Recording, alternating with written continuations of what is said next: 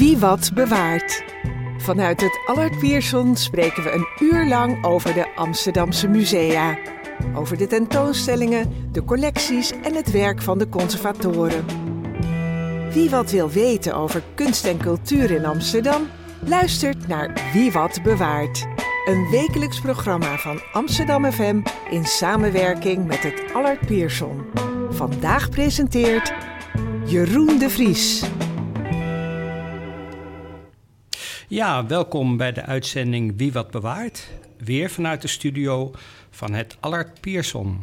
We gaan het vandaag hebben over twee tentoonstellingen die allebei in februari geopend worden.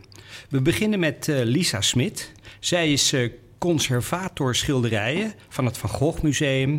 En we gaan het hebben over de tentoonstelling Kiezen voor Vincent, portret van een familiegeschiedenis. Uh, de eerste tentoonstelling in het teken van het 50-jarig bestaan van het Van Gogh Museum. In het tweede gedeelte van deze uitzending praten we over de tentoonstelling Continue This Thread. Met Roberto Louis Martins, conservator van het Amsterdam Museum. En nou, welkom allebei. Dankjewel. Hey. Um, nou, we beginnen met jou, Lisa. Uh, allereerst gefeliciteerd met het jubileum, 50 Dank. jaar. Ja, uh, een belangrijke verjaardag. Ja, zeker. En um, nou ja, jullie hebben uh, een aantal, geloof ik, uh, tentoonstellingen uh, in het verschiet. En de eerste is, daar heb jij aan meegewerkt. maar eerst even over jou. Jij bent conservator schilderijen bij het Van Gogh. Wat, wat houdt dat in? Dat betekent dat, dat ik de verantwoordelijkheid draag voor onze deelcollectie schilderijen. En dan is het bij het Van Gogh Museum ook nog zo dat daar uh, een, een tweedeling is gemaakt. We hebben een conservator schilderijen Van Gogh. Dat ben ik niet. Ik ben een conservator schilderijen tijdgenoten. Uh, omdat ik mij ook altijd net heb geïnteresseerd, net dat voor die bredere late 19e eeuw. Dus um, ik heb, ik heb verantwoordelijkheid voor alle schilderijen van de voorbeelden van Van Gogh, zijn tijdgenoten, zijn vrienden en, en ook uh, wat we verzameld hebben van navolgers van Vincent.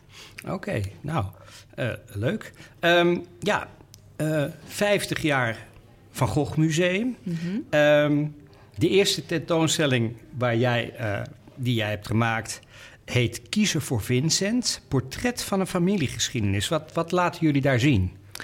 Het is een tentoonstelling die onze collectiegeschiedenis vertelt. En uh, dat vond ik meteen een, een, spannende opdracht. Want een collectiegeschiedenis kan uh, voor, voor de buitenstaander ook uh, ontaarden in een, een soort boek aan de muur over je eigen institutionele geschiedenis. Dat wilden we niet doen. Maar wij hebben het grote geluk dat onze collectiegeschiedenis een hele mooie familiegeschiedenis is.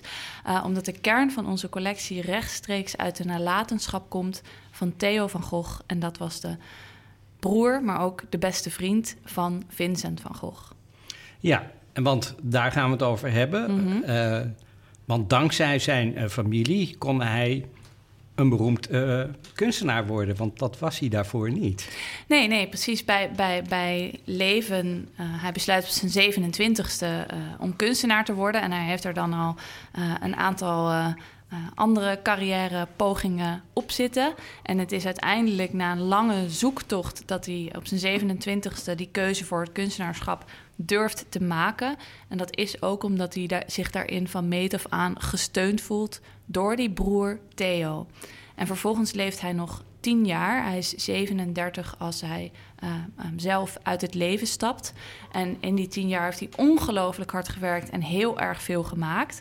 Maar op het moment dat hij overlijdt, is hij nog vrijwel onbekend. Er zijn wel de allereerste tekenen van erkenning. Hij heeft uh, voor het eerst echt een ambitieus schilderij verkocht. En er is een hele mooie recensie over zijn werk geschreven. Maar dat is dan echt nog een hele kleine, beperkte kring. Die, die roem gaat eigenlijk pas na zijn dood groeien. Ja, want uh, zijn broer Theo was, was heel belangrijk voor hem. Mm -hmm. en, en Vincent was heel belangrijk voor Theo. Ja. Uh, de, en ja, dat, dat weten we allemaal. Nou, daar komen we straks wel op mm -hmm. vanuit zijn brieven. Mm -hmm. um, maar Theo overleed ook een half jaar, ongeveer een half jaar later dan, dan uh, Vincent. Ja, ja dat, is, dat is een ongelooflijk dramatisch gegeven. En eigenlijk bij het, het, vertellen van, van dit verhaal, wat we dus heel erg hebben gedaan aan de hand van de levens van uh, Vincent en Theo en, en, nog twee anderen die ik zo zal introduceren. Um, en, en, en dat is zo'n verhaal vol, vol liefde en dramatiek daar hoef je eigenlijk niet, niks bij te verzinnen, want het, het, het is allemaal echt zo gegaan. En, en het wil dat um, Vincent overlijdt in juli 1890. En, en zijn broer is echt een gebroken man na het overlijden uh, van Vincent. Hij spant zich dan nog een paar maanden ontzettend in om een grote overzichtstentoonstelling van het werk van zijn broer te realiseren. Dat doet hij uiteindelijk in, in um, zijn nieuwe appartement. Uh, want hij gaat toch verhuizen. Dus uh, voordat hij daar dan van plan is in te trekken, organiseert hij daar een tentoonstelling. Maar zelf stort hij in oktober van datzelfde jaar finaal in. En dat komt hij ook niet meer te boven. Um, het sterke vermoeden bestaat dat Theo overlijdt aan de gevolgen van syfilis, wat destijds veel voorkwam. En ja, dan sterf je een hele akelige dood. En, en dat is ook hem gebeurd. Hij overlijdt in januari 1891, een half jaar na zijn broer en een week voordat zijn enige zoontje één jaar wordt. Ah ja, dus die heeft hij nauwelijks gekend eigenlijk. Nee, nee. Zijn, zijn, hij laat ook een, een weduwe achter, Jo van Gogh Bonger. En um, die twee hebben een ontzettend gelukkig huwelijk, maar minder dan twee jaar. Dus haar geluk met Theo is uh, van korte duur geweest. Ja, verschrikkelijk eigenlijk. Mm -hmm. Maar toch uh, heeft Jo uh, een hele belangrijke rol gespeeld in, nou, het beroemd maken van Van, van Gogh. Ja. Maar ook ja, eigenlijk de, de grondlegger voor het Van Gogh Museum. Ja, zij heeft het, ja, ja, zo zou je dat kunnen zeggen. Jo is 28 op het moment dat Theo overlijdt. En, en, en ja, de, de, tentoonstelling heet met een reden kiezen voor Vincent. Omdat we inzichtelijk willen maken dat um, die loop van de geschiedenis is bepaald door uh, keuzes die gemaakt zijn door individuen. Dat het uiteindelijk neerkomt op een, op een paar mensen. In dit geval dus Jo, die op haar 28ste met dat kindje van nog net geen één achterblijft. Met die enorme nalatenschap van de kunst van haar vrijwel onbekende zwager. En, en een hele collectie van kunst van tijdgenoten. En wat gaat zij doen? Er zijn best wel wat mensen, mannen om haar heen die aanraden. Nou, weet je, laat het maar aan mij over. Um, maar zij neemt uh, zeker voor die tijd echt wel een bijzondere beslissing. En daar is ook een prachtige passage van in haar dagboek. En dat dagboek tonen we ook in de tentoonstelling. En zij heeft een, uh, een aantal maanden na het overlijden prachtig opgeschreven. Anderhalf jaar lang was ik de gelukkigste vrouw op aarde. Theo heeft mij alles geleerd. Nou, een lofzang op Theo. En nu uh, is het mijn taak om goed voor het kind te zorgen. Vincentje, die vernoemd was naar zijn oom, de kunstenaar. Maar Theo, zo schrijft zij, heeft mij ook een andere taak gelaten. En dat is het werk van Vincent. En, en zij besluit heel welbewust uh, dat zij haar verdere leven zich wil inzetten uh, voor de droom van haar man Theo. En dat is op zoek naar erkenning voor het werk van Vincent. En dat is wat ze doet. En dat heeft ze ook heel goed, terwijl er hier een verhuizing plaatsvindt, geloof ik. Dat heeft ze ook heel goed en vooral ook heel slim gedaan, volgens mij. Dat heeft ze zo goed gedaan. Zij, zij heeft echt als, als, als mens zoveel uh, functies, zou ik maar zeggen, die wij in een Van Gogh Museum verenigd hebben, die droeg zij allemaal uh, in zich. Wat ze deed was uitlenen aan tentoonstellingen. Echt van begin af aan, enkele maanden na het overlijden van Theo, is al de favoriete tekening volgens Theo. nee, sorry de favoriete tekening voor Theo van Vincent. Uh, exposeert ze dan al. Um, ze organiseert zelf ook tentoonstellingen. Zo heeft ze de allergrootste tentoonstelling van Gogh, van, over Van Gogh ooit georganiseerd in het Stedelijk Museum in 1905. Um, maar ze is ook heel slim in verkopen. Um, ze, ze doet echt haar best om, om ervoor te zorgen dat belangrijke stukken in belangrijke musea terechtkomen. En tegelijkertijd is ze heel wel bewust dat ze een hele hoop dingen niet wil verkopen. Ze zorgt er altijd voor dat er echt een belangrijke kerncollectie met topstukken uit elke uh, uh, periode van Vincent's oeuvre ook bijeen blijven. Dus dat heeft ze heel goed aangepakt. En, en de, het laatste belangrijke wat zij doet, is uh, kort na uh, de dood van Vincent, heeft Theo al gezegd: Die brieven van mijn broer zijn zo mooi, die zouden eens uitgegeven moeten worden. En ook die taak neemt zij op zich. Zij is jaren bezig met het sorteren en het transcriberen van al die honderden brieven. En uiteindelijk. Uh, is zij de drijvende kracht achter de publicatie van de eerste brievenuitgave in 1914. Ja, want die brieven zijn eigenlijk heel belangrijk, want uh, daardoor weten we vrij veel van, uh, van Vincent en zijn leven en zijn broer Theo ook. Ja. Het zijn de brieven van Vincent aan Theo, hè? We hebben er uh, uh, meer dan 600 van uh, Vincent aan Theo en ongeveer 40 van Theo aan Vincent. Okay. En dan zijn er, er zijn er nog een paar honderd meer, maar het overgrote deel van de correspondentie um, van, van Vincent is aan Theo. En dat wordt ook allemaal bewaard in het Van Gogh Museum. Vrij, op, op een enkeling na bevinden alle brieven zich bij ons in het museum. En dat is een ja, ongelooflijk bijzondere bron waardoor we uh, onze, onze kennis en inzichten over Van Gogh als kunstenaar en als mens uh, zo enorm uh, groot is. Want het was ook nog eens een ontzettend goede brievenschrijver. Dat had Theo helemaal gelijk in. Het is het is prachtig om die brieven te lezen. Ja, want uh, ja, het toeval wil dat mijn eigen vader mm -hmm. in 1990 een boekje heeft uitgegeven samen met een fotograaf over het leven van uh, Vincent in Amsterdam. Ja, daar heeft hij ook gewoond een ja, tijdje. Dat, ja, dat is niet zo bekend, want Nee, hij schilderde toen niet. Uh, maar dat boekje, dat is heel erg leuk, want hij haalt constant citaten uit en hij, van alle plekken in Amsterdam waar hij heen gaat. En dat, he, dat is ook heel kunstzinnig, want hij was grote bewonderaar van onder andere Rembrandt. Hij kijkt naar alle plekken waar hij is. Um, maar dat kon alleen maar dankzij die brieven. Ja, absoluut. Die brieven die zijn, zijn een ongelooflijk rijke bron voor menig onderzoek. En natuurlijk juist ook voor de periode dat hij nog helemaal geen kunstenaar was en we geen uh, tekeningen en schilderijen hebben. Er wel hij heeft wel een enkel iets uh, gemaakt hoor in die Amsterdamse tijd. Maar um, dit is eigenlijk um, de periode waarin, waarin Vincent een religieuze weg hoopt te vervolgen. En hij bereidt zich in Amsterdam voor op een studie theologie. En hij volgt lessen Grieks en Latijn terwijl hij bij een van zijn ooms inwoont. Dus ook daar hij werd uh, mooi opgevangen door familie, ook hier in Amsterdam. En heeft er bijna een jaar gewoond, als ik me niet vergis. Ja, nou, ik dacht iets meer dan een jaar. Maar, okay. maar um, ja, hij, hij woonde bij een oom. Andere ooms hiel, hielpen hem, want hij had meerdere ooms mm -hmm. volgens mij uh, in Amsterdam. Mm -hmm. uh, dus dat was ook, eigenlijk is hij altijd geholpen door zijn familie. Ja, en ook, en ook zijn eerste carrière en de carrière van Theo, dat is de carrière in de kunsthandel, die is ook aan familie te danken. Want um, uh, hij was zelf een domineeszoon, maar drie broers van zijn vader waren alle drie werkzaam in uh, de kunsthandel. En uh, het is met name één oom, naar wie hij zelf vernoemd is, die wordt oom Cent genoemd. Die was partner bij de gerenommeerde kunsthandel uh, met allerlei filialen, waaronder ook in Den Haag.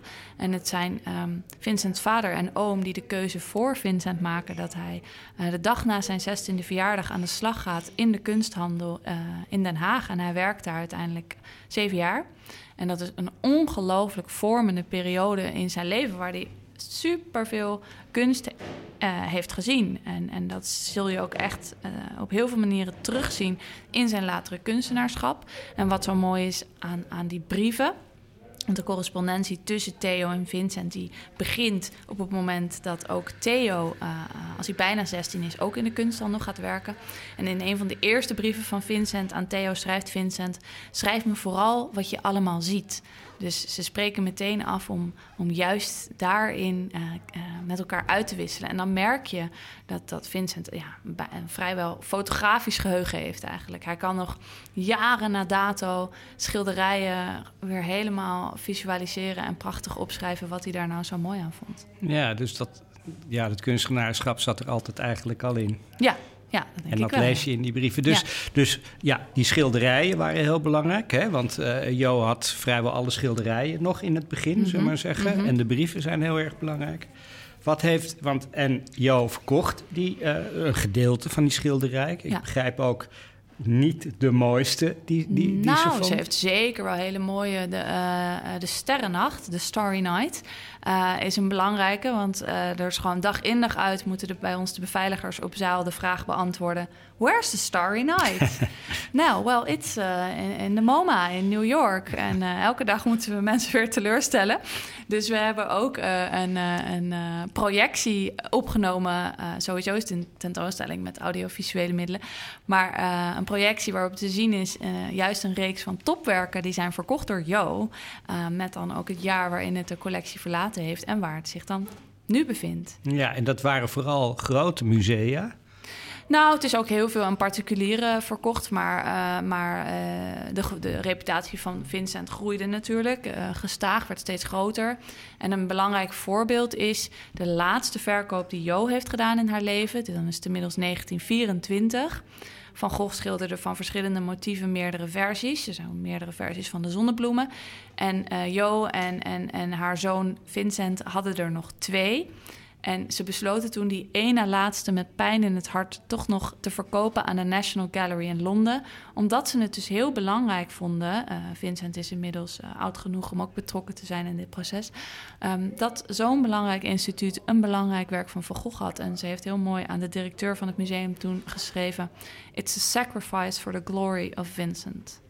Ja, ze vonden het erg. Ja, ja, ze leefde te midden van die stukken. Zitten, ja, er zijn heel veel prachtige interieurfoto's bekend. Dat je ze gewoon, ja, eh, die schilderijen die hingen overal. En ook nog later bij dat neefje Vincent, die het uh, enige erfgenaam is uiteindelijk in 1925 als zijn moeder overlijdt. Um, ook hij heeft uh, die schilderijen altijd bij hem hem thuis hebben hangen. En toen hij in 1907 ging studeren in Delft, werktuigbouwkunde, uh, zat hij bij het koor. En dan had hij een, een zeegezicht van Van Gogh in zijn studentenkamer hangen. het waren huisgenoten voor die mensen. Ja. ja. Ja. dat lijkt me ook logisch als je, hè, van, je van je oom. Maar um, in 1925 uh, eh, overlijdt jou. En, en dan? Dan komt die enorme verantwoordelijkheid helemaal op de schouders van, van neefje Vincent te rusten. Wij noemen hem de ingenieur om voor het gemak uh, te onderscheiden van zijn uh, wereldberoemde kunstenaarsoom. En, en dat is omdat hij eigenlijk in 1907 in eerste instantie wel bewust kiest uh, om zijn eigen pad te volgen. En ook daar heeft hij ooit een mooie uitspraak over gedaan. hij, hij groeit op te midden van een hele ja, esthetische omgeving. Met zijn stiefvader was kunstenaar, zijn moeder is altijd met die Van Goghs bezig. Maar ook de ouders van veel van zijn vrienden waren, en zaten in de creatieve scene. En hij heeft uh, letterlijk opgeschreven dat hij en zijn vrienden graag iets concreets in de maatschappij wilden doen. Dus het is een heel bewuste keuze geweest dat hij niet ook nog uh, naar de kunstacademie of zoiets nee. is gegaan. En, en, en hij wordt, wordt ingenieur en hij heeft echt heel welbewust een eigen carrière. Uh, begint het allereerste organisatieadviesbureau uh, van Nederland. En heeft gewoon een gevestigde reputatie. Maar het is natuurlijk niet een keuze van of-of. Het was een keuze van en-en. En hij heeft ook altijd uitstekend voor die collectie gezorgd. De eerste decennia behoorlijk op de achtergrond. Als zijn moeder overlijdt, is het eerste wat hij doet... de uh, eerste Engelse vertaling van de, van de brieven realiseren... Um, eigenlijk daarmee het levenswerk van zijn moeder uh, voltooien. Want zij is heel, nog jarenlang in die vertalingen gewerkt. En zij um, was daar al mee bezig? Zij heeft dat vertalen gedaan. Ja. Maar hij oh, zorgde... Zelf. Er was nog geen uitgever. Ja, oh, okay. er was nog geen uitgever. Dus hij, hij maakt die klus af, zou ik maar zeggen. En het voorwoord, voorwoord van die editie is, leest ook als een eerbetoon... weer van hem aan de inspanningen van zijn moeder. En iets anders, heel belangrijk, is dat hij rond 1927 het besluit neemt te stoppen met verkopen. Dan hebben ze ongeveer 200 schilderijen verkocht en 50 tekeningen. En dat is het moment dat hij denkt: er is geen financiële noodzaak meer. Ik kies er nu voor om de rest van die familieverzameling bijeen te houden. Um, en wat hij ook doet, is hij. Uh, brengt het overgrote deel van die verzameling onder in het Stedelijk Museum als permanent bruikleen. En daar is het vanaf 1930, 31 te zien. Totdat ons museum in 1973 uh, de deuren opende. En hoe kwam dat tot stand? Dat ah, Van Ja, dat is, dat, dat is nog best uh, een, een, een flink verhaal. De, de, ingenieur krijgt zelf vier kinderen. Zijn oudste zoon uh, Theo wordt um, om het leven gebracht door de bezetter, omdat hij een verzetsstrijder was. Dus dat is een heel groot verlies voor de ingenieur. Er zijn nog drie andere kinderen. En hij realiseert zich met de tijd dat uh, als hij uh, zou komen te overlijden, zou dus die erfenis weer moeten worden opgedeeld. En uh, die successierechten zijn niet te betalen. Zoveel zijn die schilderijen inmiddels waard. Dus dan zouden ze afstand moeten doen van, van de werken van Van Gogh. En dan zou je vanzelf dus krijgen dat die verzameling met elke erfenis steeds verder zou worden opgesplitst. En dat wilde hij voorkomen. En daarom richt hij uiteindelijk in 1960 de Vincent van Gogh Stichting op. Die bestaat ook nog steeds. En daarin zijn ook tot op de dag van vandaag nazaten van zijn drie kinderen uh, uh, vertegenwoordigd. Als ook uh, een, een, een, representant of afgevaardigde van de minister verantwoordelijk voor cultuur. En dan wordt in 1962 die hele verzameling met alles erop en eraan. Dus dat zijn niet alleen die beroemde schilderijen, tekeningen en brieven. Dat zijn ook het geboorteuittreksel van Vincent van Gogh, om maar wat te noemen. Of een prachtig stukje gordijnstof dat Theo in de verlovingstijd naar Jo opstuurde. Van zullen we hiermee onze kamer decoreren? Dus dat is een hele rijke en brede, brede collectie, familiefoto's ook. Hij heeft alles overgedragen. Uh, en in ruil daarvoor heeft de staat toegezegd een museum te bouwen. En, en dat, dat is er gekomen. En dat is uiteindelijk in 1973 de deuren geopend. En, en daarmee was de droom uh, van, van de ingenieur vervuld. Hij had een veilig onderkomen gevonden waar die familieverzameling voor altijd bijeen zou blijven. En wat hij heel belangrijk vond, voor iedereen toegankelijk. Ja, en hij heeft dat zelf nog meegemaakt, toch? Ja. Ja, ja, de opening in ieder geval. En ook nog een aantal jaren daarna geleefd. En in de jaren daarna, hij was al in de tachtig toen het openging, maar ook de paar jaar daarna was hij bijna dagelijks in het museum te vinden. Dus de kern is van uh, nou, de schilderij van Vincent, die waren bij uh, uh, Jo eigenlijk en, en, en de kleine Vincent, mm -hmm. de ingenieur. Mm -hmm. ze hebben een aantal verkocht, maar het grootste gedeelte, dat is overgegaan naar het, naar het Van Gogh Museum. Ja, ja zeker. Anders had het niet bestaan. Nee, nee, dat denk ik niet. Nee, dan was denk ik Van Gogh wel beroemd geworden. Dat vind ik het belangrijke, want die, die vraag heb ik deze week wel veel gekregen. Van als Jo er dan niet was, was Vincent, dan was er dan... Maar ik denk dat Jo hoog en laag had kunnen springen als die kunst niet zo goed was geweest. Dan was hij ook niet zo beroemd geworden. Nee. Maar Jo heeft zeker daarbij ontzettend uh, bijgedragen aan het vestigen van die reputatie. En voor het bestaan van ons als museum, het feit dat, dat zij dus niet afstand deed van die nalatenschap van haar geliefde man, maakt wel dat, dat die kerncollectie er is en, en we daar een museum mee kunnen vullen. Wat, ik zo tof vind uh, aan het verhaal is, is dat er is een soort algemeen idee dat dan. Uh, de museumcollectie is vooral door mannen is gevormd en gecreëerd. En ook bij ons, bij het Amsterdam Museum, is een, de grootste pijlers van de collectie, of de startpunten zijn, is ook vanuit uh, Sofia Lopez Suasso. Mm -hmm. Die uh, niet alleen mode en kostuum, uh, dus daar, daarvan de basis heeft gevormd waar ik dan nu verantwoordelijk voor ben, maar ook kunst, kunstwerken, sieraden, beeldhouwwerken. Ze heeft echt van alles. En zo erg dus dat het Stedelijk Museum in, zijn, in de eerste jaren het so, uh, Lop, Lopez Suasso Museum werd genoemd, omdat haar collectie daar eerst ah, was ge geborgen. Dus wat ik heel mooi vind is, is dat je ziet dus dat al in die tijd vrouwen ontzettend bepalend zijn geweest in de vorming van museumcollecties. En, ja. Uh, ja, en dat, dat dat nog steeds in een soort van algemene zin nog onbekend is. Ja. Dan denk ik, wauw. Dat Dit is dus de, de biografie dat, over ja. Jo van Gogh-Bonger... is door mijn naaste collega Hans Luiten geschreven. Die is een paar jaar geleden verschenen. Maar dit is de eerste keer dat we in een tentoonstelling... zoveel aandacht aan ja. haar besteden. En wat we ook doen, uh, opent over een paar weken... ook in de vaste collectie um, creëren we nu een zaal... waarin we permanent aandacht besteden. Niet alleen aan de... Uh, broederband tussen Vincent en Theo, maar waar we ook echt mm -hmm. Joost bijdragen met een aantal kunstwerken aan de muur uh, in, in, ja, willen eren, zo ja. gezegd. En ook wat de ingenieur heeft gedaan, hè? want uiteindelijk, zij heeft die collectie bijeen gehouden, maar zij was nog niet per se met een museum bezig. Ja. Het is dan weer haar zoon die, die echt uh, de drijvende kracht achter de oprichting van het museum is geweest. Hey, en wat, wat kunnen we zien in deze tentoonstelling? De collectie in de volle breedte. Uh, het topstuk in de tentoonstelling is de amandelbloesem. Dat is ook de beelddrager. Misschien uh, zullen de Amsterdammers die hier uh, aantreffen in de, de bushokjes en op de peperbussen deze weken. Um, een wereldberoemd schilderij, dus zullen hem ook kennen van menig muismat of koffiemok.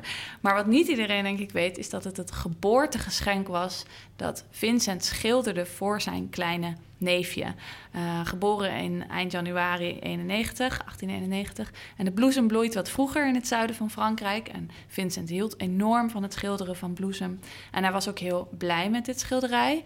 En alleen dat vind ik al een ontroerend gegeven. Want uh, in deze periode leefde Vincent zelf in een, in een uh, inrichting, kliniek, waar hij werd behandeld voor zijn psychische problemen.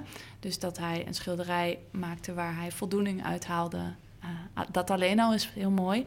En um, hij had het schilderij bedoeld voor in de slaapkamer van het jonge paar en de baby, maar ze hebben het boven de piano gehangen, zodat alle gasten het ook konden zien. En uh, later uh, komt dat te hangen als, als Jo en kleine Vincent zijn teruggemigreerd naar Nederland. Na het overlijden van Theo hangt het wel in de slaapkamer. Oké, want um, um, je, je, je, vertelde mij dat, uh, hoewel er heel veel bekend is over Van Gogh, toch bij deze tentoonstelling ook nieuwe dingen uh, boven ja, tafel zijn gekomen. Ja. Nou, we exposeren allerlei nooit eerder getoonde uh, objecten, zoals wat ik al noemde, het dagboek van Jo. Wat ook wel bijzonder is, het is misschien wel een bekend beeld voor velen. Er is maar één foto van Vincent van Gogh bekend. Hij is 19 jaar op dat moment. En um, dat origineel tonen we nu ook. Dus voor de historische sensatie is het echt de moeite waard om één keer de real deal te kunnen zien. En dan zal je zien dat het een piepklein fotootje is. um, een uittreksel uit zijn geboorteregister, ook nooit eerder getoond. En wat bijvoorbeeld ook wel heel mooi is en juist laat zien dat wij een familiecollectie zijn, is dat ook zijn moeder heel erg van tekenen en aquarelleren houdt. Um, en dat wij ook van haar waterverftekeningen hebben. Dus we hebben een heel mooi bloemstilleven van haar dat we tonen. En uh, we tonen ook uh, stukken uit die collectie tijdgenoten die uh, met name Theo, maar ook samen met Vincent, die hij verzameld heeft in zijn Parijse jaren. Want um, belangrijk om te noemen is dat Theo was kunsthandelaar en die had een hele succesvolle carrière bij datzelfde Goupil. En die was manager van een galerie in Parijs. Dus um, die broers vormen in zekere zin ook een goed powerkoppel in de paar jaar dat ze samen in Parijs wonen. En uh, de een als kunstenaar, de ander als kunsthandelaar, weten ze samen een hele mooie verzameling bijeen te brengen. Ja, want dat, daar, daar ga jij over, uh, begrijp ja, ik tenminste. Ja, ja, datgene wat ook uit de familie... Uh, Zeker. nalatenheid... Wat, wat zit daar zo bij? Nou, dat zijn ongeveer 80 schilderijen, 75 prenten, 70 tekeningen. Dat is om en nabij wat er bewaard is gebleven. Maar Jo heeft daar weinig van verkocht. Dus dat zal wel uh, voor het overgrote deel nog zijn wat het ook was op het moment uh, dat, dat, dat, dat zij alles erfde. En uh, nou, daar zitten een paar Haagse schoolschilders bij. Um, daar zit een kunstenaar als Manet, een hele beroemde naam. Dat was toen al te kostbaar voor Theo om een schilderij van te kopen. Maar hij kon zich bijvoorbeeld wel prenten veroorloven. Maar hij stond ook echt open, net als Vincent, voor het nieuwste van het nieuwste. Uh, ze hadden echt vrienden uit de avant-garde. En het belangrijkste voorbeeld daarvan is Paul Gauguin. En zij ontmoeten tegelijk Paul Gauguin, uh, laat 1887. En um, heel snel daarna al koopt Theo een heel ambitieus schilderij van Paul Gauguin, gemaakt op Martinique. En dat is nog steeds een van de topstukken in onze verzameling. En op hetzelfde moment uh, nog een Martinique-werk van Gauguin, dat uh, Vincent ruilt voor werk van hem. Dus zo heeft Vincent ook heel actief bijgedragen aan die collectie. Hij had geen geld, maar hij ruilde. Ja, ruilde zijn schilderij. Ja.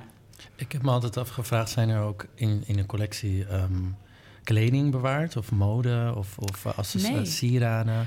Iets wat echt te maken heeft met, met de biografie van de, deze uh, Nauwelijks. Nauwelijks. Nauwelijks. Ik noemde net dat, dat, dat prachtige stukje stof Gordijn, van de ja. overgordijnen van het uh, appartement.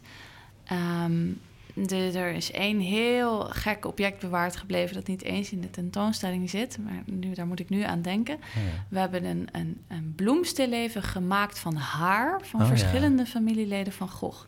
Dat was in de 19e eeuw helemaal ja. niet zo gek dat iedereen een lokje haar inleverde. En dat werd dan allemaal in elkaar gevlochten als een soort uh, familiestukje. Uh, maar dat, is, dat we weten dat dat haar is dan weer van de, de, volgens mij van de generatie van de ouders van Vincent en Theo. Dus er zitten wel uh, ja, dat soort gekke dingen bij, maar, maar mode niet echt. Nee. Oh, interessant. Ja. Ja, ja, want daar ga jij, daar gaan we het zo over hebben. Ja, ja precies. ga je, ja. um, maar um, ja, nou ja, uh, hartstikke mooi. En, en waarom moeten mensen uh, deze tentoonstelling gaan zien? Nou, omdat je er heel veel kunt zien wat wij normaal uh, nooit laten zien. Uh, wat ik belangrijk vind om te zeggen dat het ook echt een tentoonstelling is die leuk is om met families te bezoeken. Daar hebben we ons ook echt uh, op gericht in de, in de, in de vormgeving en, en in uh, dingen die je kan doen. Er zijn, je, je mag, kunt ook twee spellen spelen op zaal om je te verplaatsen in de keuzes die Vincent, Theo, Jo en de ingenieur um, hebben gemaakt.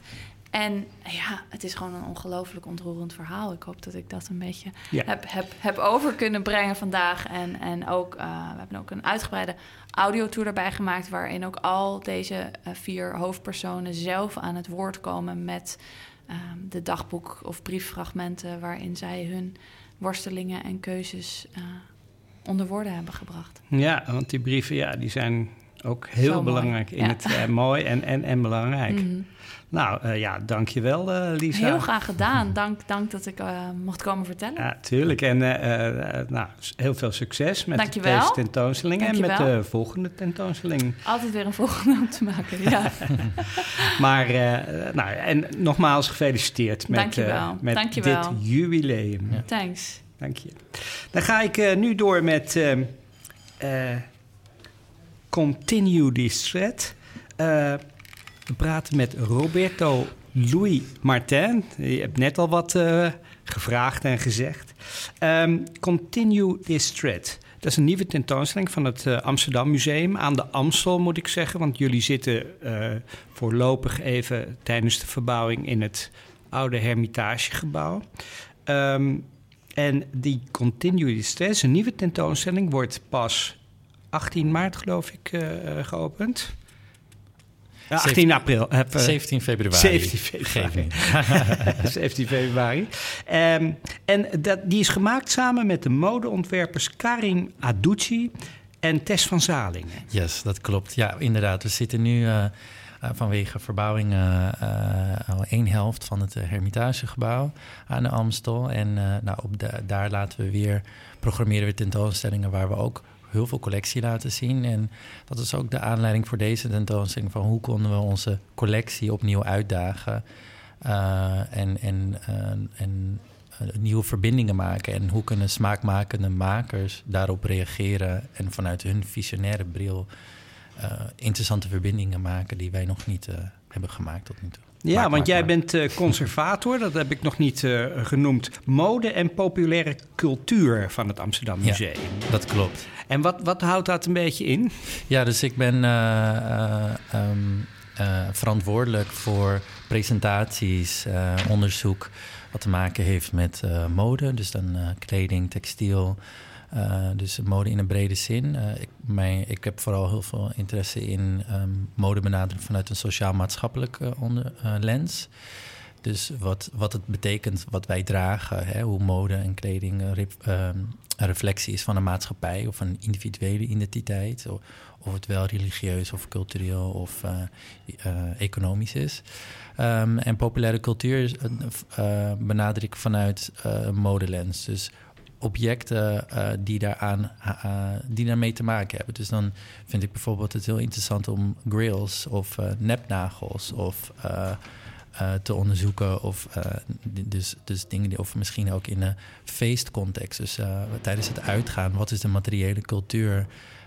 en die heel erg gebonden is ook aan trend en aan mode en in een soort van de culturele expressie van de maatschappij. Dus zo en is dat, de expressie nu of ook in het verleden? Ook in het verleden, ja. Dus we, wij, uh, de tentoonstellingen is altijd een dialoog tussen, tussen toen en nu. En vooral hoe kunnen we uh, kijken naar verhalen of nou ja, um, objecten presenteren die ons inspireren om op een nieuwe manier te kijken of op een andere manier te kijken naar het nu, verleden, maar ook naar de toekomst. En dat is ook wat we doen bij Continue This. Uh, die tentoonstelling gaat over handwerktechnieken, de kracht van handwerktechnieken.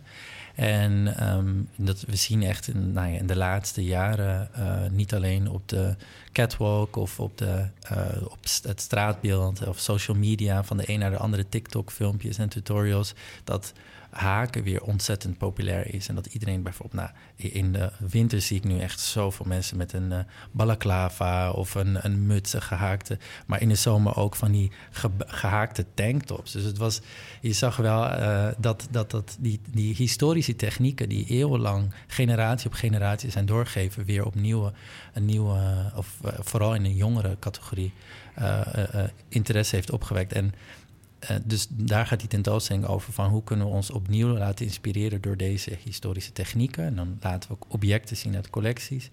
Om ook over hedendaagse thema's te hebben. Ja, want um, hoe is die tentoonstelling tot stand gekomen? Hè? Want je, je doet het met twee, uh, jullie deden dit of doen dit met twee modeontwerpers. Hoe, wat hebben jullie gedaan? Ja, goeie. Ja, dus uh, hoe, hoe we ze hebben uitgezocht. Dus Karima Douchy en Tess van Zalingen uh, zijn twee modeontwerpers uit Amsterdam... die heel veel inspiratie doen naar nou, bijvoorbeeld ambachtelijke, ambachtelijke handwerktechnieken. Denk aan borduren, uh, breien of uh, patchworken. Um, en of laten zich inspireren door een eigen roots. Dus van een meer de Marokkaanse context en de ander meer vanuit Nederlandse streekgebonden context. En maken daarin nieuwe presentaties. Dus zeg maar de reden waarom we voor hem hebben gekozen, omdat zij al een hele visionaire bril of blik hebben als het gaat om deze technieken. En hoe uh, dit, het, het, het, proces verliep heel organisch. Dus wij in onze allereerste meeting hadden het over... Nou, de lens is handwerktechnieken. We willen jullie eigenlijk uitdagen om, of uitnodigen om naar de collectie te kijken... en zelf verbindingen te, eh, te maken en, uit te kiezen wat jullie heel graag zouden willen zien. En toen was het al heel snel duidelijk dat het moest gaan over... juist hoe krachtig het is. Hè? We, we zien ook in afgelopen periode in de coronapandemie... of uh, ja, in de afgelopen jaren dat, dat mensen weer ergens een soort troost vonden in, in het borduren of in, het, echt in die maaktechnieken. Um, dus daar, ze wilde juist de krachten daarvan onderstrepen.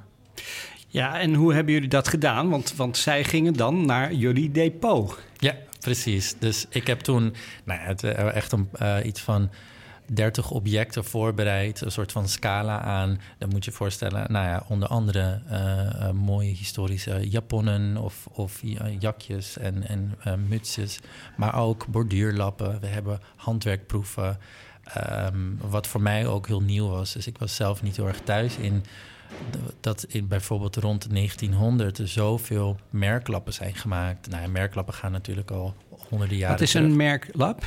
Een merklap is een geborduurde lab. Uh, um, die, uh, waarin met name jonge meisjes, dus dan moet je denken echt al vanaf acht jaar oud, letters borduurden. Dus het was echt een oefenlab. En dan het idee is dus dat, dat je daardoor jonge meisjes al kon trainen om dan kleding te merken. Dus dan de initialen aan toe te voegen. En dat wanneer de, de kleding naar de was ging, kon je dus je kleding weer terug herkennen wanneer het ervan terugkwam. Dus het was een oefening, maar ook op een gegeven moment zie je dus dat er ook figuurtjes bij komen en initialen van de ouders. Dus het werd ook een, eigenlijk een soort familiedocument of een biografisch document. Ja, fantastisch. Ja, mijn moeder zit in een bejaardentehuis, daar doen ze dat nog steeds, dat merken in ieder geval. Oh ja. um, maar, um, uh, want je vroeg het net al, uh, uh, aan, aan het Van Gogh Museum hebben ja. jullie veel... maar jullie hebben heel veel van dat soort dingen in het, uh, in het depot, volgens mij. Ja, wij hebben dus in totaal een collectie van, laten we zeggen, 100.000 objecten. Dat is, dat is geen mode, hè? dat is gewoon de collectie Amsterdam oh, Museum. Ja, okay.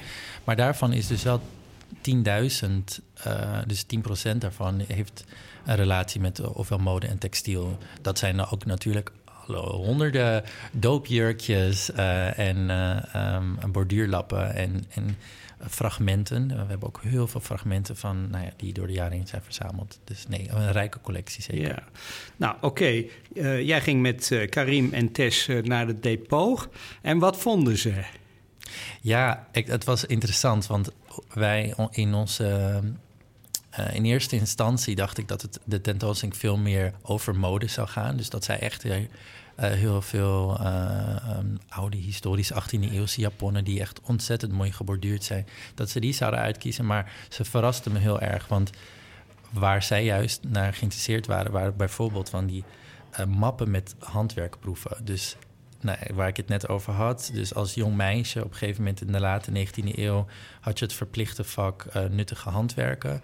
En uh, daarin, uh, op de lagere school, leerde je dus de, de verschillende handwerktechnieken en bouwde je zo een collectie op. En op een gegeven moment bergt hij dat op in een map. Nou, en daarvan hebben wij hebben dus pronkrollen. Dus op een gegeven moment zie je dus dat je dan een pronk, dat er een, al die proeven dan in een pronkrol wordt verzameld. En, we hebben bijvoorbeeld nu in de tentoonstelling een van maar liefst acht meter lang. Zo. Ja, dus heel bijzonder. Maar ook een, een, een map met maar liefst 97 handwerkproeven van Brechtje Vreugdehil. En dat is wel een heel leuk verhaal, want zij, dit was dus Tess die, en Karim die in de depotkasten uh, rondliepen... en opeens een, nou ja, een soort harmonica-vormige boek uh, vonden. Nou, ik altijd overheen gekeken. Ik moet zeggen, ik werk pas sinds 2021 bij het Amsterdam Museum... dus ik ken de collectie ook nog niet heel goed. Maar, uh, en die vonden die, dat mapje en hè, wat is dat? Nou, wij opengemaakt en we zien dus al die proefjes. Dus dan moet je denken aan echt kanten, mutsjes en sokjes en, en schortjes. En dus alles in miniatuur. En daarmee oefenen dus, dus om kleding te maken. En toen zei ze van, ja, wie is die wie, wie heeft dit gemaakt? En we zagen wel dat de achternaam Rochemont was. Nou, in eerste instantie hebben dus heel lang gezocht op wie is dan die Rochemont. Nou, blijkbaar was dat dus haar, niet haar meisjesnaam, maar ze trouwde later met een Rochemont. Um, maar er zat dus ook een letterlap in. Dus dat is een variant op de merklap. Waar dus heel groot haar naam uh, stond, geborduurd en met een jaartal. En dat vind ik zeg maar heel krachtig dat je daarmee ook echt jouw aanwezigheid command, zeg maar. Van ik, heb, ik ben er, Brechtje, uh, 1899. Ja, wat, wat leuk. En waar, waarom werd dat eigenlijk bewaard, die, die, die stof? Ja, dus ik denk, en, en dat is dus uh, een, dat is een hele goede vraag. Want je moet je voorstellen, hier werkt hij dus als jong meisje echt jaren uh, aan. Dus het is een, een periode waar, uh, die, dat zijn allemaal proefjes, dus dat bewaarde hij nou heel veel. Ik hoor soms wel eens mensen nog horen van, oh, dit heeft, had mijn moeder ook nog. Ik heb ergens nog wel een opbergmap. Of, um, en omdat het toch heel iets intiems was. Hè? Je moet je voorstellen, als je handwerkt, dan het is zo'n lang, nou ja, langzaam proces. En het is zo'n eigenlijk best wel een intiem moment. Heel erg eh, op jezelf gericht. Dus ik kan me voorstellen dat het heel moeilijk is om dat af te staan. Maar ergens in 1970 of volgens mij 1980 is toen dat opbergmap, deze specifieke, dan uh, geschonken aan het Amsterdam Museum. Die is ook geleverd aan een receptie. Dus nog na een brief terug uh, uh, gestuurd naar de schenker van... kun je ons meer vertellen over wie dit was? En Um, en daar is nooit een reactie op gekomen. Oké, dus, maar, maar nu hebben jullie wel wat uitgezocht. En um, nou ja, Tess en Karim waren daar erg door ja, geïnspireerd, zullen we maar zeggen. Wat, wat betekent dat, dat ja. voor, de, voor, ja, voor de tentoonstelling eigenlijk? Ja, dus dat eigenlijk de verhalen achter deze werken centraal moesten staan. Dus de, ma dus de mensen, de persoonlijke verhalen, de makers. Dus het is geen tentoonstelling waar we de technische kant uh, uh, onderzoeken, maar juist over wat het maakt dat mensen willen handwerken of moesten handwerken. Um, dus en, en hoe zij daar kracht uit halen. Ja, want uh, Tess en Karim die, die kijken ook naar, of vooral ook naar het sociale aspect uh, ervan. Hoe, hoe zien zij dat? Ja, het sociale aspect. Ja, dus voor beide is co-creatie heel belangrijk. Dus samenwerken met verschillende communities. Uh, Karim werkt heel veel met bijvoorbeeld mensen met ook een Marokkaanse achtergrond. Niet alleen hier in Amsterdam, maar ook in Marokko zelf. Ook met mensen op de vlucht. Uh, juist om verschillende ambachtslieden uh, te laten, een rol te, uh, te, geven in het maken van zo'n collectie. Zo heeft hij dus ook dat, dat, hij in zijn labels niet alleen zijn eigen naam doet, maar in enkele werken zie je dus ook de namen van de mensen die, met wie hij dat werk heeft gemaakt. Dus dat vind ik ook heel sterk. Dus die verbindingen en die, soort, die drang om een community te vormen, dat is dus een van de thema's in de tentoonstelling. Hoe verbindend.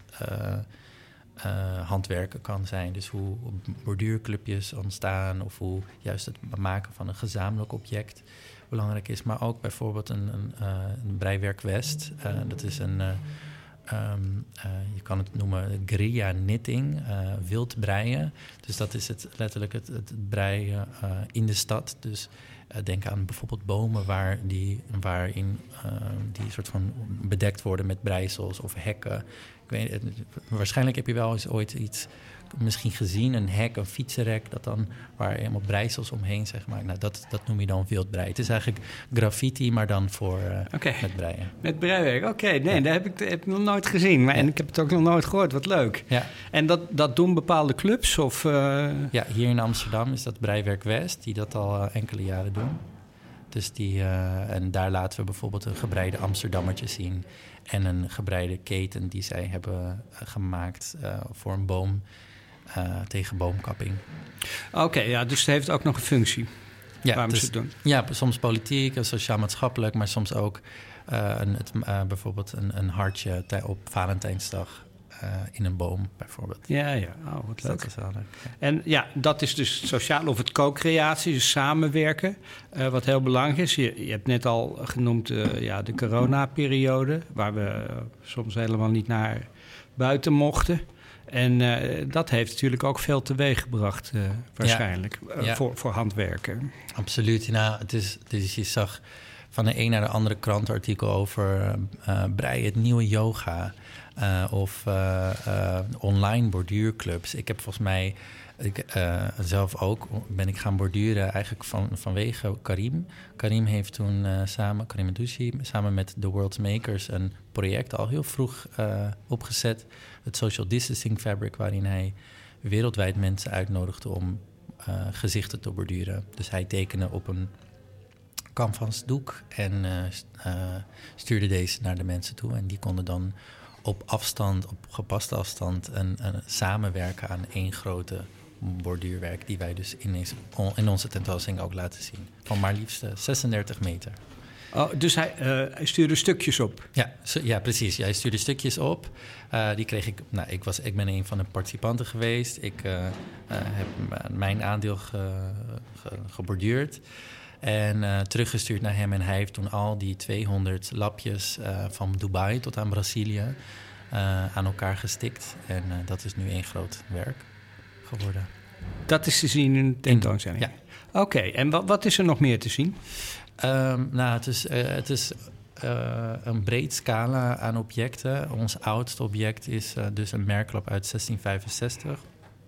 Een ander heel bijzonder werk is een borduurlap die, waarin anti-slavernij idealen um, nou ja, werden geïllustreerd via borduursteken, of in borduursteken moet ik zeggen, door Louisa van Ommeren. Hengelveld, in totaal.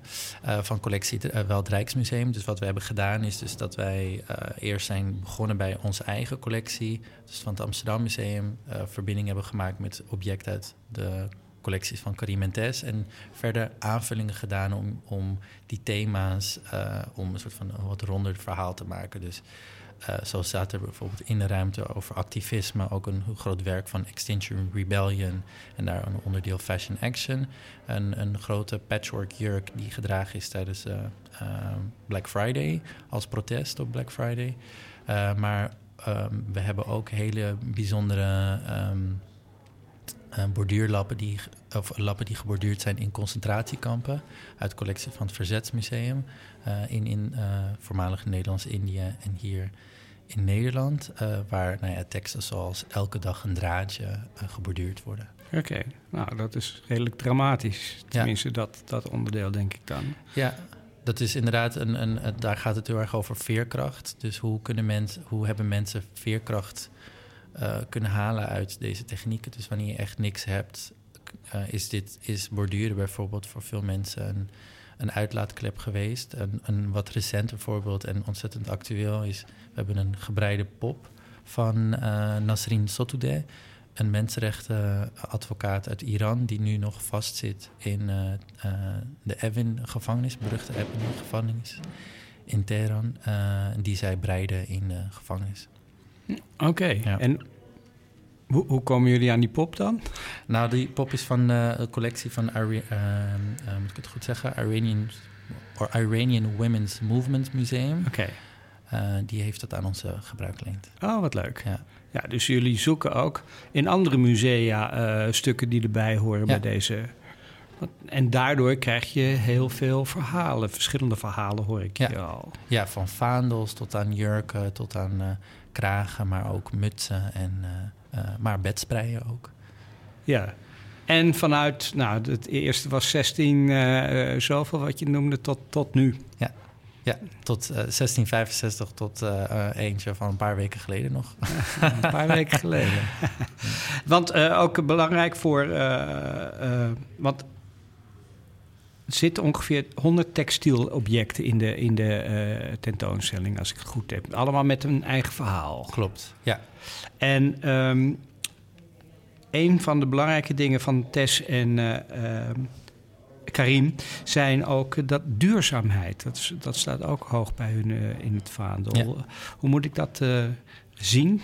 Ja, zij, um, Tess gebruikt vooral deadstock materiaal. En deadstock zijn, laten we zeggen, niet gebruikte design of stoffen van coutuurhuizen. en die normaal gesproken op de, verbrand worden, om, zodat, om te voorkomen dat zij op illegale manier door een ander leven krijgen. En zij heeft partnerships om, of tenminste, zij gebruikt deze deadstock materiaal in overleg uiteraard voor nieuwe collecties. Dus haar collecties bestaan vooral uit stoffen die over zijn. Precies, ja. En goede stoffen, dus uit, uit ja, van andere modeontwerpers ja, eigenlijk. Klopt. Ja, Oké, dus dat is wel belangrijk om, om, om niet elke keer nieuwe, nieuwe stoffen te maken. Nee, absoluut. Ze laat juist zien, en dat is wel tof, heeft een collectie die ook uitgelicht wordt, Patchwork uit 2020, waar zich heeft uh, door laten inspireren door de bevrijdingsrok. Dus net na de Tweede Wereldoorlog had Miep Boisevin uh, de oproep van laten wij een, een patchwork uh, rok maken om de bevrijding te symboliseren, maar ook om deze nieuwe tijd te symboliseren. Dus allemaal lapjes uh, uit de tijden van oorlog. Dus heel symbolisch, met ook lapjes van je moeder. En dus dat moest nou ja, een symbolische rok zijn. En zij heeft dat doorge Tess van Zaling heeft dat doorgetrokken in haar eigen collectie. En laten zien van ja, hoeveel um, schoonheid er nog is in het materiaal die beschikbaar is. En die, of tenminste, die je kan gebruiken. Er is zoveel materiaal. Laten we daar ook kijken en die schoonheid ook erkennen. En zo ook een, een patchwork maken aan, aan al deze verhalen eigenlijk. Ja, een huidige patchwork. Maar dat patchwork uit het einde van de oorlog, of na de, na de oorlog, dat, dat is ook een hele geschiedenis. Zoals jij het vertelt, met van je moeder. Met de, de ja, dat, daar zit dan ook een hele geschiedenis in. Ja. Dat is ook mooi. Ja, zij, dus in haar. Uh, dus dit, dit, die bevrijdingsrok is op een gegeven moment na 48 een beetje gestopt. Want toen, ja, dat, dat na een paar jaar. Um, was de, de urgentie minder sterk. Maar dus in een testcollectie, zij heeft dus een hele collectie waarin de werken gepatchworked heeft. Een soort refererend aan deze. Oké, ja. Dus het is oud en, en, en van hun ook nieuwe spullen. Absoluut. Nieuwe, nieuwe ontwerpen. Um, een, een van de dingen die ook wel belangrijk is voor deze uh, tentoonstelling is dat oude technieken, hè, waar, waar jullie uit het verleden ook uh, veel hebben, ook misschien wel een beetje verloren dreigen te gaan. Ja, Tenminste, het hand, handwerkschap. Ja, dus het is, het, er zit een soort uh, interessant spanningsveld. Dus aan de ene kant zien we een trend in dat mensen steeds meer uh, um, int, um, interacten. Uh, aan de slag gaan met technieken. Ja. Um, maar tegelijkertijd zijn er steeds minder mensen die uh, bijvoorbeeld kloskanten, of kantklossen moet ik zeggen, of de verschillende borduurtechnieken. Er zijn echt tientallen technieken en steeds minder mensen weten daarover. Dus wij zijn ook in de tentoonstelling bezig met hoe kunnen wij de technieken en die ambachtelijke kennis um, um, doorgeven. doorgeven, maar ook hoe kunnen wij als museale instelling daar een rol in spelen. Om het door te geven, om het te bewaren, maar ook hoe, hoe het gemaakt werd. Ja. Dus dat experiment, dat, we zijn nu vanuit ons uh, mode-erfgoedplatform Modemuse. Dat is een netwerk dat wij delen met uh, verschillende partnermusea uh, in Nederland en in Vlaanderen. En daar zijn we nu bezig met het digitaliseren bijvoorbeeld van technieken en objecten op een manier waarin ze veel toegankelijker worden, ontsloten aan gemeenschappen of mensen die misschien niet eens alleen hier in Nederland, maar wereldwijd geïnteresseerd zijn in de verschillende technieken. Ja, dus hoe je het kan doen, dat digitaliseren, zodat andere mensen dat zouden kunnen leren.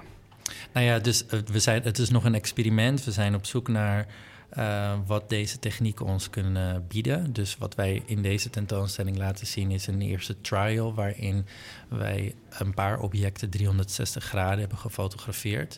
Dus normaal gesproken bij uh, foto's van objecten zie je de voorkant, maar nu kun je echt zelf bepalen welke kant je van het object wil kiezen, maar ook tot echt aan de vezels inzoomen. Dus we hebben een heel groot scherm in de laatste ruimte, dus het Modemuse Lab.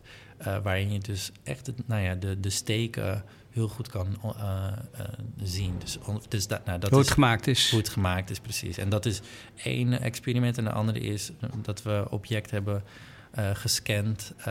en we hebben gekeken naar wat deze, of hoe deze objecten in een online um, wereld een rol kunnen uh, spelen. Dus er komt een, we noemen het digitale passpiegel, waarin je dus ook een werk van Tess uh, kan aantrekken, maar ook de bevrijdingsrok en een paar andere historische objecten, omdat het natuurlijk nooit kan vanwege de kwetsbaarheid. Dus Mhm. het is in die zin niet mogelijk, maar op die manier kunnen we wel een andere ervaring bieden. En zijn we ook op zoek naar hoe kunnen we dit doortrekken? Hè? Kun je in de toekomst dan ook bijvoorbeeld bij uh, op Fortnite of andere games uh, bijvoorbeeld uh, spelen met een, een Japon uit de 18e eeuwse collectie of 18e eeuw van ons. Oké, okay, wat ja. leuk. Dus, dus het is ook veel interactie. Het is interactie, ja. Dat is echt de, eigenlijk de, de, de goal van Tess en Karim is echt bezoekers te laten inspireren om, om ook om het ofwel opnieuw op te pakken of voor het eerst uh, op te pakken. Dus de, de opzet is dus dat we hebben ook depot-ladenkasten. Dus je kan kasten opentrekken, schuifdeuren uh, bewegen. Er is ook een participatieruimte of een ruimte van, het heet a Leave. Uh, laat een blaadje achter en dat, daarin vragen we bezoekers om ook een blaadje achter te laten die ze zelf kunnen haken of breien of borduren. Of misschien willen ze alleen een blaadje, of een, letterlijk een blaadje uh, met de handgeschreven tekst achterlaten, waarin we zelf een soort, laten we zeggen, een boom uh, creëren uh, met de bezoekers. Oké, wat leuk. Nou, dankjewel nou, ook Lisa en Roberto voor dit interview. de tentoonstelling Kiezen voor Vincent, portret van een familiegeschiedenis, is te zien in het Van Gogh Museum van 10 februari tot 10 april 2023. De tentoonstelling Continue This Thread is te zien in het Amsterdam Museum aan de Amstel. En dat is dus in het Hermitagegebouw op dit moment. Van 17 februari tot 3 september van dit jaar. Uh, nou, hartstikke bedankt ook voor deze uh, uitleg. Ja, en um, vol volgende week is mijn uh, collega Frans van der Beek te weer. dit was Wie Wat Bewaart voor deze week. Elke vier weken gepresenteerd door Jeroen de Vries. Met dank aan de gasten van vandaag, Lisa Smit en Roberto Luis Martins. Techniek Abe Ipping. Dankjewel.